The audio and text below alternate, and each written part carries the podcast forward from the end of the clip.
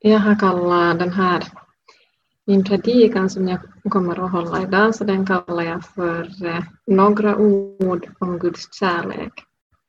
För Guds kärlek det är ett sånt här ämne, så det är ju svårt att tala uttömmande om det och tala om det en gång och så har man sagt allting.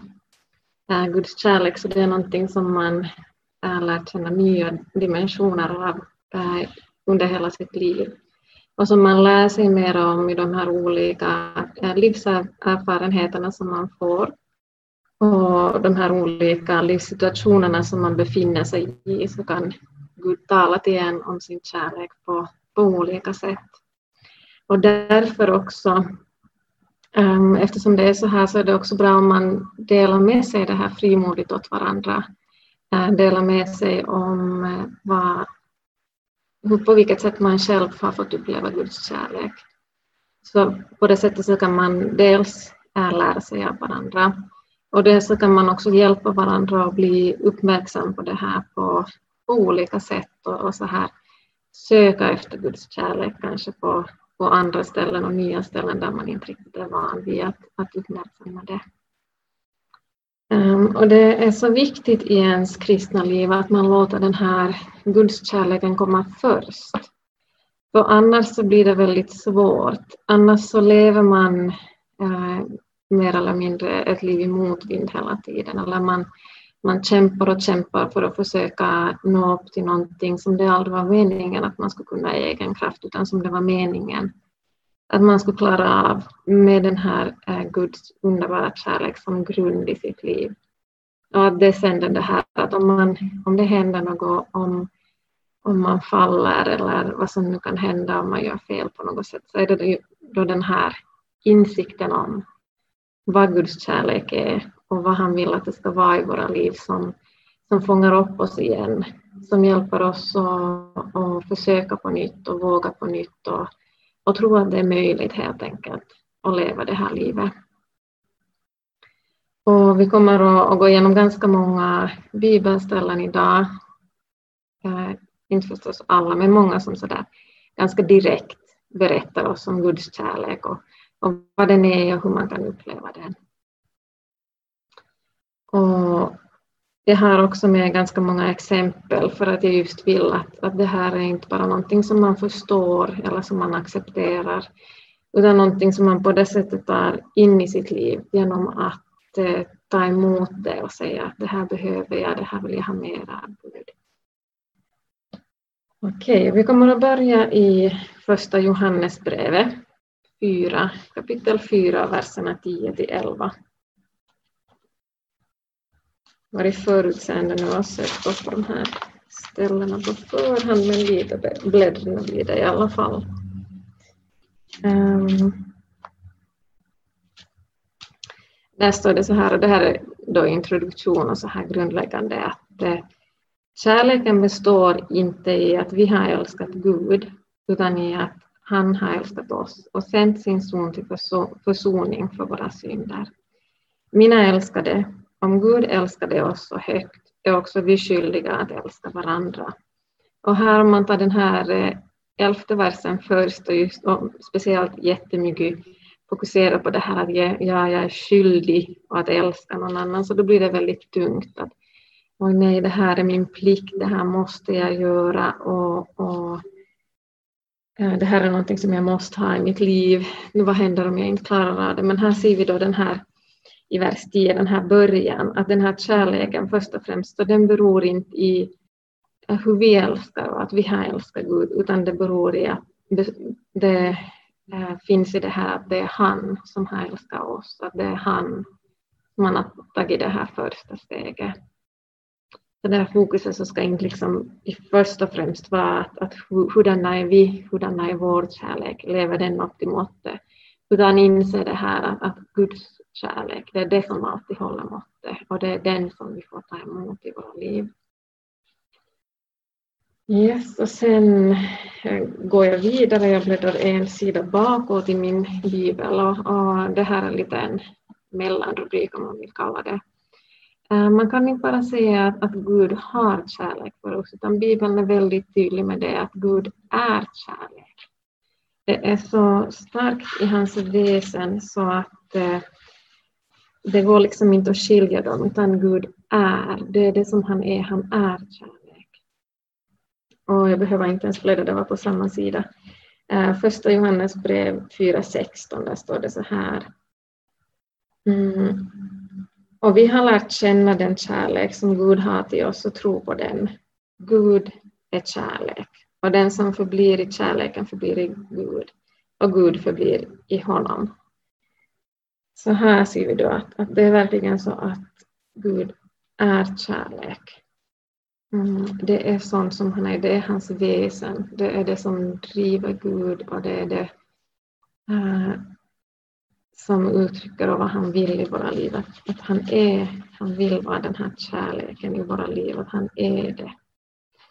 Och sen så ska vi också titta lite i, i Romarbrevet kapitel 5 och verserna 8, det här att, att eh, på vilket sätt kommer den här kärleken kanske först och främst till uttryck. Det här nämns många, på många ställen i, i Nya Testamentet. Eh, Romarbrevet 5 8. Men Gud uppvisar sin kärlek till oss genom att Kristus dog i vårt ställe medan vi ännu var syndare. Eh, och det här är också en väldigt viktig sak att inse just för att komma bort från det här prestationstänket. Att eh, dels om vi någon gång undrar att eh, men hur kan jag veta att eh, Gud älskar mig, så då är det just det här att, att Kristus dog, att det är det som är det här eh, så att säga beviset för oss, att det är det som visar det åt oss, att, att, eh, att han tog våra synder och dog för oss, så att vi skulle kunna ha en öppen väg till, till Gud, att det är det här ultimata beviset på Guds kärlek. Mm, och här står det, um, när så att säga den här kärleken börjar, att det var inte medan när vi var tillräckligt bra för att förtjäna den, utan det var medan vi ännu var syndare, medan vi ännu inte visste om, medan vi ännu inte hade gjort någonting för att förtjäna det här. Så då, då var det liksom Gud som tog det här första steget i den här försoningen mellan mellan eh, honom och människor. Mm. Och sen vill jag också, det här är helt enkelt bara ett, ett, ett vackert ställe, men jag vill läsa från Andra Korintierbrevet 13 och 11. Det här är just eh, eh, en av de här sluthälsningarna i, i Andra Korintierbrevet. Där står det så här, till slut bröder, var glada, låter upprättas och förmanas, var eniga och håll fred. Då ska kärlekens och fridens Gud vara med er. Mm, jag tycker bara att det är så underbart som det, hur det beskrivs att Gud är. Om ni någon gång funderar att, att vänta nu, men att hurdan är Gud på riktigt? Så då kan ni tänka på det här bibelstället, eh, att Gud är kärlekens och fridens Gud. Men som vanligt så är det väldigt svårt att få ett grepp om det här gudomliga principer, gudomliga sanningar och just den här himmelska bilden av kärlek i och med att vi lever i en fallen värld och vi har alla erfarenheter av, av eh, kärlek som har svikit oss, som har gjort väldigt ont och, och som har liksom lämnat jobbiga spår och sår i våra liv. Och och inte på det sättet varit sån kärlek som, som Gud representerar. Jag har här några enkla, enkla exempel bara för att ni ska lite fånga här vad jag menar. Mm, jag kan tänka så här att vi har två stycken barn som har ungefär samma behov av kärlek. Eh, och sen enligt livserfarenheter eller enligt personlighet och så här, så har ett av de här barnen väldigt lätt att, att visa det här, att den behöver eh, vänliga ord eller så där, kramar eller något liknande uttryck för kärlek. En av dem eh, är jätteduktig på att så här eh, intuitivt söka upp det här, kasta sig i famnen på sina föräldrar, kommer fram och säger ett vänligt ord och får tio stycken vänliga tillbaka och så där. Och sen har man ett annat barn som kanske är lite mer reserverat. eh, och lite så där gör det till en lek och lite går undan då andra kommer och vill kramar. Blir väldigt glad varje gång som den blir kramad men, men så där alltid eh, aldrig den som tar första steget i det. Då kan man fråga sig att vilket av de här barnen som kommer att eh, lättare liksom att få sitt behov fyllt så där, att, och vem kommer medan där, de har samma behov men just på grund av att det här ena har då lättare för att söka efter det så, så kommer det då att, att få mycket mer kärlek just i och med att vi är lite sådär att, att eh, ja, det är som enkelt att, att visa kärlek åt någon som så tydligt visar att den vill ta emot det. Eh, eller sen kan vi ta ett annat exempel. Eh, vi har, om vi tänker oss föräldrar som har möjlighet att eh, alltid, precis när som helst, ge det här sitt barn exakt vad den vill. Men de här föräldrarna så väljer i kärlek att hålla tillbaka på det här just för att, ni som är föräldrar kanske vet vad jag menar, just för att lära de här barnen någonting för livet istället för att de just nu bara får vad de vill. Att man vill lära dem sparsamhet, tålamod, återhållsamhet och sådär. Och det här kan då vara gjort i kärlek, men just tas emot av barnet, att det blir väldigt upprört och tycker att men, den förstör mina föräldrar, mina liv och sådär. Och, och, och så där, trots att, att eh, orsaken till att föräldern gör det här så det är kärlek och den handlar i kärlek. Mm, men det tas inte då emot på det sättet av barnet. Och det kan ta många, många år då innan barnet inser och tycker att, att eh, eller så där förstår vad den här föräldern försöker göra. Eller så kan jag ta ett väldigt, um, ja, ett exempel ur mitt liv då min yngsta pojke knappast känt, känt sig särskilt älskad. Um, vi, kom, vi körde hem från Österbotten igår, kom hem väldigt sent och så där klassiskt. Uh, kom hem och konstaterade att det finns in, in, ingen frukost där hemma, att nu måste någon fara och handla. Ja, och så skrev jag då snabbt en lista och så får jag iväg. Kom tillbaka. Och sen när jag kom tillbaka så var då mitt, mitt yngsta barn väldigt argt på mig och sådär. Fräst och var sådär jättesur. Och då visade det sig att, äh, att han hade missat det här att jag skulle fara iväg, att han visste inte vart jag skulle fara. Så han hade då liksom kommit utspringande och försöka som springa efter den här bilen och så att, att vart far du? Får jag komma med? Och sådär. Eh, och jag, jag, såg ju inte honom då och jag, jag visste inte om det här. Och, och, och, så där skulle jag råka se i backspegeln skulle jag kanske sitta en skymt av honom men, men det var nog en, en stund då han inte kände sig särskilt älskad fast jag hade sådär handlat eh, med allas sådär bästa i tanke. Jag tänkte att ja, ja men att nu måste vi alla få mat tills imorgon och nu fixar jag det här och jag hinner och sådär.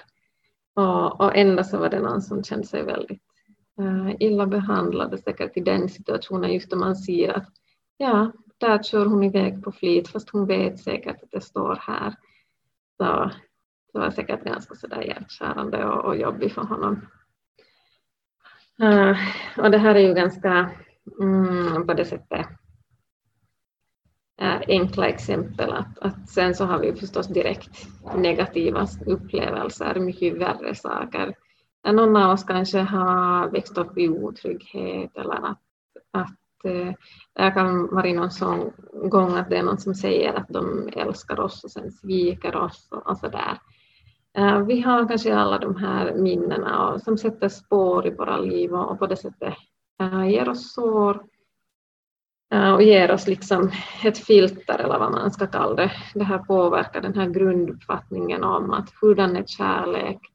Eh, vad händer när kärleken eh, finns? En sån som ser att den älskar, hurdan är den personen? Och så här. Mm. Och det kan till och med gå så långt att man uppfattar att nej, men det här kärlek, att det kanske är riskfyllt eller att det är något kravfyllt eller på något sätt negativt och det är liksom bättre att hålla sig borta. Att allt är lugnare om jag håller mig borta från sånt. Och jag vill bara säga det, och det här får liksom bli ett, kanske ett frö som långsamt gror eller sådär. Att, att våga låta Gud hela dig från sådana här sår och Och ta gärna liksom första steget och, och prata med någon som du har som du har förtroende för med, med sådana här saker. Mm, om sådana här saker. Ehm, för det är liksom viktigt att vi lär oss hur att man vågar släppa liksom de här felaktiga bilderna för att kunna ta emot då den här bilden på att hurdan är den här gudskärleken på riktigt. Och det vill jag nu eh, titta lite på under, under resten av, av den här predikan. Att hurdan är då Guds kärlek? Och vad säger Bibeln om Guds kärlek? Och som sagt det, det här är, är de så att säga mest direkta bibelställena där det är mer eller mindre att Guds kärlek är sån här, alltså här vi går inte in och analyserar något berättelse eller, eller något sånt, utan vi, vi ska se lite mm, kort på att, att vad säger Bibeln så där klart och tydligt att, att uh, hurdan Guds kärlek är. Eh, för det första, eller eh, som första punkt så har jag att, att Guds kärlek så den är evig. Att vi behöver inte vara rädda att den tar slut um, att den inte räcker, utan den är evig. Vi kan läsa ur eh, Jeremia 31 och 3. Jeremia kapitel 31 och vers 3 och det här sägs då till Israel men vi är ju nu då enligt Romarbrevet inne på det i det trädet så vi får också ta av det här. Jeremia 31, 3. Härifrån uppenbarade sig Herren för mig med evig kärlek har jag älskat dig. Därför låter jag min nåd förbliva över dig. Så vi ser att, att eh, det här med att en kärlek är evig. Vi lever i ett samhälle just nu där uh, ungefär hälften av äktenskapen tar slut, eller hälften av, um, ja, ungefär hälften av äktenskapen Mm, tar slut och där lovar man just varandra att i, i nöd och lust och så vidare. Um, så där, då kan det vara svårt att tro på att det kan finnas en kärlek som kan vara evig. Men vi, vi, vi har det liksom svart på vitt att, att sån är Gud, att han är evig i sin kärlek. Och vi ser det liksom genom att det är en röd tråd i Bibeln. Från början till slut så ser man den här kärleken och till och med den här passionerade kärleken som Gud älskar sitt folk med och som han försöker nå fram till sitt folk med. Mm, med varierande mottagande då från, eh, från oss människor. Och, så det här löftet får vi helt enkelt ta del av. Och en annan sak som Guds kärlek är, mm, så det är det att det är handling. Och nu kommer vi tillbaka till det här att äh, vad Guds kärlek, eller hur Guds kärlek först och främst uttryckt sig. Efesierbrevet 2, verserna 4 till 5. Så ser vi det här hur, hur äh, Guds kärlek liksom manar honom till agerande Efesierbrevet 2, verserna 4-5. Men Gud, som är rik på barmhärtighet, har älskat oss med så stor kärlek, också när vi ännu var döda genom våra överträdelser, att han har gjort oss levande tillsammans med Kristus. Av nåd är ni frälsta. Mm, alltså vi ser det här att, att eh, det så att säga stannar inte eller det blir inte kvar på ett ställe utan vi ser hur, hur det liksom driver det till den här handlingen, att vi blir levande igen tillsammans med Kristus. Om vi då tar emot den här nåden.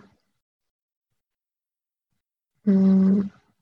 Och, och sen också, eh, ja, och det här så leder också till det att Guds kärlek gör att vi får kalla, kallas Guds barn. Nu är jag igen i, i första Johannes brev. Ni vet Johannes evangelium och Johannes brev, det är dit man ska gå om man vill se ordet kärlek nämnas många gånger. Första Johannes evangelium mm, ursäkta, första Johannesbrevet kapitel 3, verserna 1. Så står det så här. Mm.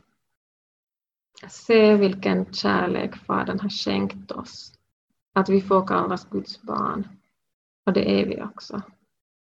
Ta bara den där första delen där, att, att eh, det är liksom en gåva det här som vi får ta emot, att vi får kallas Guds barn. Att vi får verkligen tro på att det är vi också. Det får bli en, en självklarhet, en självklarhet som, vi, som är dyrbar och som vi uppskattar men som vi inte på det sättet behöver eh, tvivla emot. På det sättet är en självklarhet. Så, och ni som har, ja, speciellt ni vet det här, här bilden som ganska många använder, att, att eh, man för första gången håller sin baby i famnen. Den gör inte så jättemycket för att förtjäna ens kärlek, då, men ändå så, så älskar man den väldigt mycket. Mm, så man kan tänka på det att, att eh, Gud ser oss som sina barn. På det sättet har, har glädje i oss. Inte på det sättet vill att vi ska stanna som bebisar och barn sådär utan att nog vi ska gå vidare och utveckla men ändå behålla det här som man kan kalla för barnaskapet. Att man vet att det här är mina föräldrar, det här är mitt hem, det här är mitt hus. Äh, många av oss har kanske varit hemma nu på sommarledigheten och och så där man stövlar in i sitt barndomshem och, och blir en tonåring eller ett barn på nytt och så där. Men att man har det här, den här, kanske den här platsen dit man får komma och dit man vet att det är självklart att man får komma. Eh, att man behöver inte komma hem och försiktigt knacka och så här att kanske de släpper in mig, kanske de inte släpper in mig. Vi får se lite hurdant humör de är på idag mina föräldrar utan, utan man vet att här är man välkommen och, och hit får man komma. Det var också en, en nära släkting till mig som, som eh, där vid dopet då, av, av, deras barn så inför det så hade den där prästen frågat att, att vad är det liksom som ni vill lära ert barn, vad är det som ni vill att det bär med sig i livet. Så en av, av de här sakerna som föräldrarna sa då så var det att att man kan alltid komma hem. Att vad som än händer så, så kan man alltid komma hem och, och föräldrarna hjälper och föräldrarna är ett stöd. Så, så det så att säga ingår i, i den där barnaskapet och då får vi lita på att, att Gud är en god far till oss. Och sen en annan sak som den här Guds kärlek um, hur den syns eller hur den är. Så det är, är tillrättavisande. Och det här hittar vi till exempel i Uppenbarelseboken eh, kapitel 3 och vers 19. Och det här är då eh, ett ord till en specifik församling. Eh, det var ett brev till Laodicea som som då den här Johannes fick ta emot och det var då en, en ljum församlingen som var varken, varken varm eller kall så de, så de fick ta emot det, det här ordet. Mm. Med den här principen om hurdan Gud är, så det får vi liksom frimodigt ta med oss härifrån. Ehm, um, Johannes brevet kapitel 3, vers 19. Alla som jag älskar tillrättavisar och tuktar jag. Var därför ivrig och omvänd dig. Och vad betyder det här då? Att det finns det här aspekten av eh, till, tillrättavisande. Här står det till och med tuktande. Det här att man bestämt leder någon på en, en viss väg eller eh, visar på en ny väg. Och här så ser vi då att det gör Gud eftersom han älskar den människan. Och det här liksom så att säga sätter allting i ett nytt perspektiv eller så att säga ger ett nytt ljus åt allt det här. Att det är inte så att eh, plötsligt dög vi inte och Gud vill att vi ska ändra på oss och sen då vi har ändrat på oss så då duger vi igen. Utan det är det att Gud älskar oss och han ser att nu är det kanske något som inte är bra för oss eller något, um, det finns något annat som är bättre eller det finns något sätt man behöver växa eller så här. Mm. Eller det finns så att säga någonting som skadar en i ens liv och därför så försöker då Gud och led bort den från det här. Och det är det här att när Gud gör så här, att när han leder bort oss från någonting eller på ett sätt eller annat se till att vi konfronteras över någonting som vi har i våra, våra liv, så då är det just kärleken som är den här drivkraften. För att vi, det finns någonting eller vi gör någonting som inte är för vårt bästa helt enkelt. Och med det sagt så betyder det inte att det, det gör att det är lätt eller självklart eller enkelt att rätta sig efter den här Eh, konfrontationen då, eller den här ähm, tillrättavisningen som man har fått. Det kan vara någonting som man måste jobba med då i resten av sitt liv eller så är det något specifikt som är enkelt och det där kan vara olika olika gånger. Men eh, det betyder det att eh, att Gud på det sättet lämnar inte en att fixa det där på egen hand, utan i kärlek sen så, så hjälper han oss vidare och hjälper oss att vara lydiga. Uh, hjälper oss. Och det här är en him, jättestor skillnad. Och det finns en stor skillnad mellan att lyda utgående från att okej, okay, det här är en regel, det här måste jag göra, så är det bara jag, jag ifrågasätter inte utan nu gör jag bara det här. Eller att man gör det enbart på grund av att okej, okay, nu har jag dåligt liksom, samvete. Utan vi får också ta emot det här att, att eh, det här vill Gud i mitt liv för att han älskar mig. Uh, för att han vill det bästa för mig. För att uh, Ja, för att han känner mig bättre än vad jag känner mig själv och därför kan leda mig på rätta vägar. Och ja, så det här får vi ta med oss. Och som sagt var, bara för att man, eller så där för att det kanske är, eller man vet med sig själv att okej, okay, den här uppmaningen, det här som jag behöver göra, det är från Gud, så som, som jag sa, så det behöver inte göra det enkelt för det är per automatik. Men vi får vara lydiga och ta steg för steg så, så bäst som vi kan. Och sen ett annat exempel på eh, uh, hurdan Guds kärlek är, så det ser vi mm, i Jesu liv.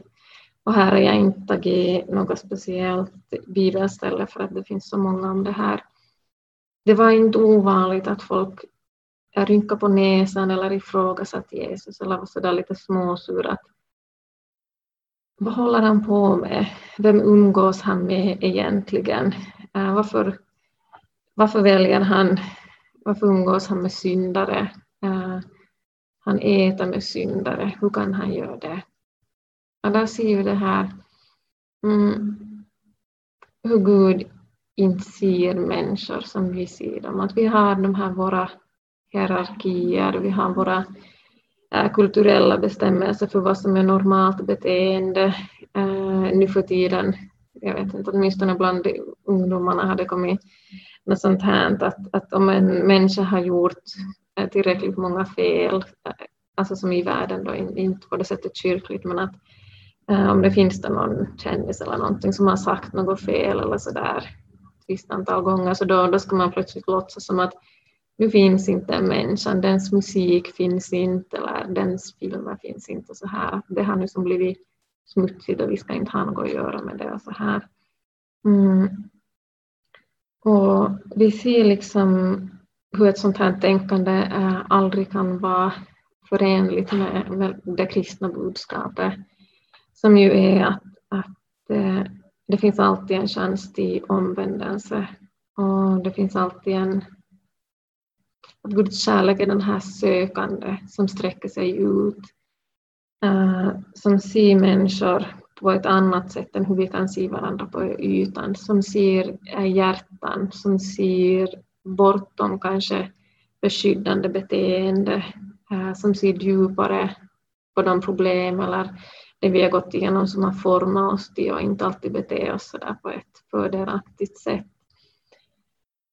Eh, vi ser redan med kung David hur, hur där ser vi till exempel hur eh, alla hans bröder har tagits fram och liksom den här profeten Samuel, visst, som skulle smörja den, den nya kungen, måste fråga då pappan att eh, har du inte någon fler son? Och då kom den där pappan på att ja, ja men att kanske jag, jag hämtar då den här, eh, den här min, min sista son också och ser om det är han. Så där att vi ser det här hur um, Guds kärlek inte på det sättet konditionell eller har de här kraven som vi kanske har för att uttrycka vänlighet eller kärlek mot andra. Mm.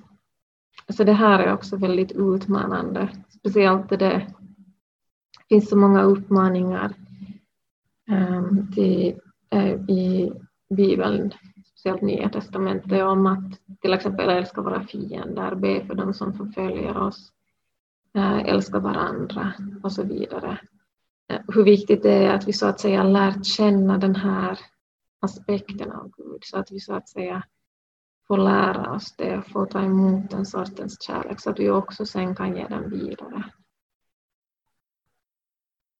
Och sen till sist för att sammanfatta det här att, att eh, hurdan är Guds kärlek och det här läste Amma för eh, två veckor sedan.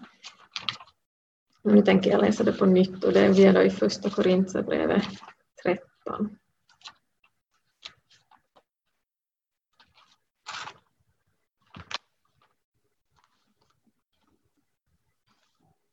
Mm.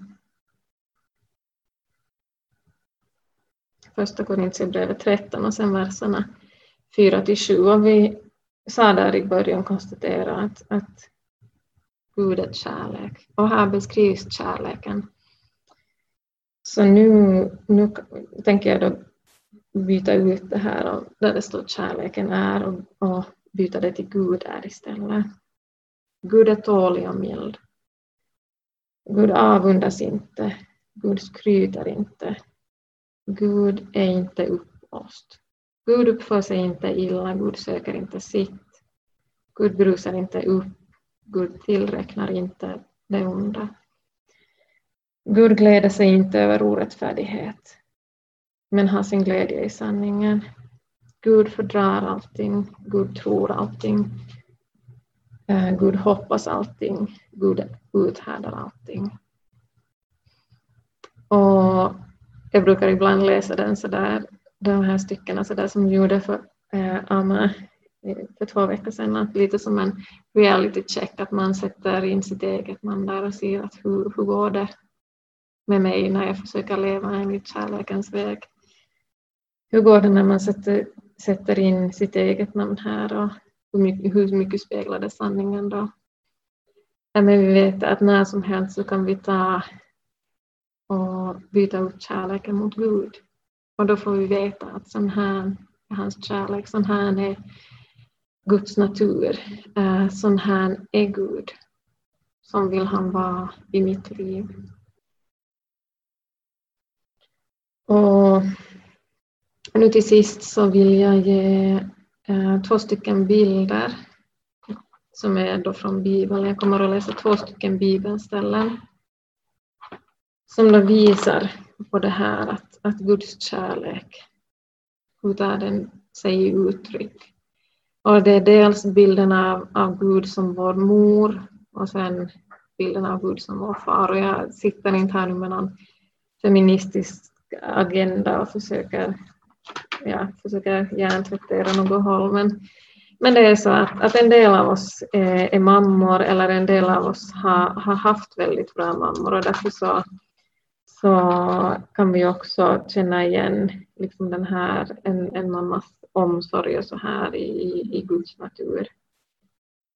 Så därför vill jag, vill jag läsa det här och det här är då liksom ur sista kapitlet i Jesaja där det då så att säga målas upp den här slutbilden och, och Gud vill visa på att, att hur, hur bra det kommer att bli och, och så där motivera sitt folk med, med sina löften.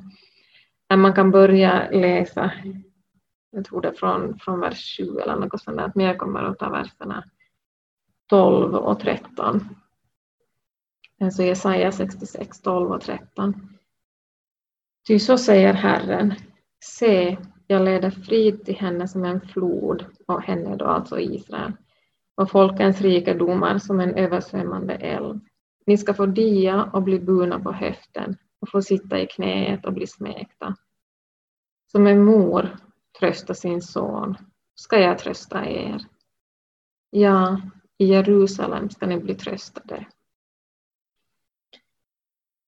Och nu som en parentes här, eh, jag kommer ihåg att jag läst en bok en gång som just handlar väldigt tydligt och väldigt klart om den här Guds kärlek. Och jag minns att när jag hade läst den klar, klart, så då, det var några år sedan, så då tänkte jag att sådana här böcker får jag inte läsa för många av, för man, man blir som lite sådär lat eller sådär, man tycker att man duger redan som man är, och sådär, att man, man tappar det här att man måste sträva till någonting om man om man äh, så att säga om man lär sig för mycket om Guds kärlek. Men nu då man har levt några år till så skulle jag säga att det är nog precis tvärtom. Att, att det är så att säga mycket enklare att leva som kristen och mycket enklare att sträcka sig mot Gud när man får göra det frimodigt och när man får göra det med tillförlitlighet, inte i första hand på sig själv på sina gärningar och hur man själv duger i Guds ögon eller hur mycket bättre man själv är jämfört med en vecka eller ett år sedan. Mm, utan det är en helt annan sak då man får äh, luta sig tillbaka på Gud. Och, och man får liksom man får sådär uttrycka åt Gud att här kommer jag, en liten människa, men jag är så älskad av dig. Tack för det. Mm, alltså vi behöver de här bilderna, just som den här som jag läste. Just, vi behöver den här vilan i, i den som Gud vill vara i våra liv. Vi behöver lära oss att, att ta emot av det här och verkligen leva av det här och leva i det här och, och våga lita på det, äh, våga luta oss mot det i våra liv, för annars blir det väldigt tungt att leva som kristen och, där och, och ja, försöka förtjäna allting. Och, sen då den här bilden av, av Gud som vår far så vill jag ta från liknelsen om den återfunne sonen. Där vi läser då om, om den här faderns, som då är, är en bild på Gud, hur han tar emot den förlorade sonen sen då han kommer och yes, eh, så det här blir då från Lukas evangeliet 15 och vers 20. Och här säger Fadern inte så mycket, men han gör desto mera. Eller han säger ingenting, men hans, hans handlingar säger mer än tusen ord. Så här står det, eh, Lukas 15, vers 20. Och han, det är då den förlorade sonen, stod upp och gick till sin far. Medan han ännu var långt borta fick hans far se honom och förbarmade sig över honom. Fadern skyndade emot honom, föll honom om halsen och kysste honom. Så här ser vi hur eh, mycket Gud som vår far, hur han älskar oss. Äh, Hur han stod där och väntade, speja, spana, så ifall nu äntligen den här äh, son, äh, den här yngre sonen efter en lång tid vänta ännu på stå och titta att det är idag kanske den dagen som han kommer tillbaka. Och då var den, det äntligen det. Och det var inte ilska som drev fadern då, utan det var förbarmelse, det var den här kärleken som gjorde att han så här väldigt ovärdigt för en, en man i sin ålder så skyndade emot honom, kramade honom och kysste honom. Och vi vet sen att den här förlorade sonen föreslog att han skulle börja som tjänare och fadern säger att nej, verkligen inte, nu ska vi ha en fest och vi ska bara fira att du är tillbaka och du är min son igen. Och sen kan jag påminna, påminna oss om vad, vad som var hans ord till, till den här äldre sonen som hade varit hemma och, och skött sig bra hela tiden. Så åt honom så sa den här fadern så här att, att mitt barn, du är alltid hos mig och allt mitt är ditt. Det får vi också komma ihåg. Vi som mer ser oss själva som den här eh, sonen som var kvar istället för den här sonen som lämnar familjen så får vi komma ihåg att, att Guds kärlek till oss så är det att allt som är, är hans så är också vårt. Att eh, Gud inte håller tillbaka sin kärlek utan han vill ge den till oss. Så med de här båda bilderna, eh, liknelserna av, av hurdan eh, Guds kärlek är till oss, så, ja, så avslutar jag nu. Och jag hoppas att ni bär er med det här. Och, och ta gärna en stund i något skede när ni har en lugn stund kommande vecka att, att fundera på det här. Att på vilket sätt har jag sett Guds kärlek i min, mitt liv? Och, och ta en stund och, och tacka Gud. Och om man upplever att, att jag ser inte så mycket av Guds kärlek i, i mitt liv och, och det är ju lite så, äh, ursäkta nu kommer en, en berättelse från skolvärlden. Äh, vi testar vårt hörselområde för att hörseln blir lite sämre med åldern. Så sjunde klassister så fick då testa sin hörsel, att det började sådär på en väldigt låg nivå och sen gick det då högre och, och vid en viss punkt i det här låga så kunde man höra och sen i en viss punkt då det blev för högt så då kunde man inte höra något mera. Så och det var nog oftast så att de här mm, barnen så hade mycket, eh, mycket sådär större känslighet och hörde mycket mer av det där ljudet än mig, både tidigare och också sen senare. Mm, så vi har skapat det på olika sätt. Kanske det är så att man behöver så att säga ha lite mera av Guds kärlek i ens liv för att märka det.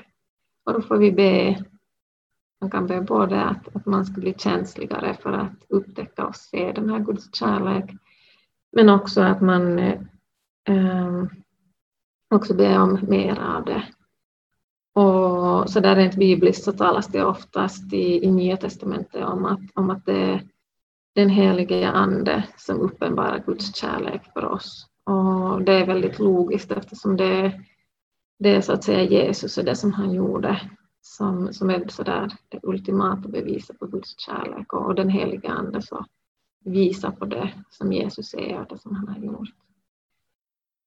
Så med de orden så så vill jag bara uppmuntra oss alla att, att eh, söka oss mera av Guds kärlek och, och inse det att, att han vill ge det åt oss, att han vill ge vidare det här åt oss. Att han, han håller inte tillbaka och så vi behöver inte heller göra det. Och vi behöver inte vara rädda för Guds kärlek, för den vill oss väl. Okej, med de orden så avslutar jag. Tack för mig.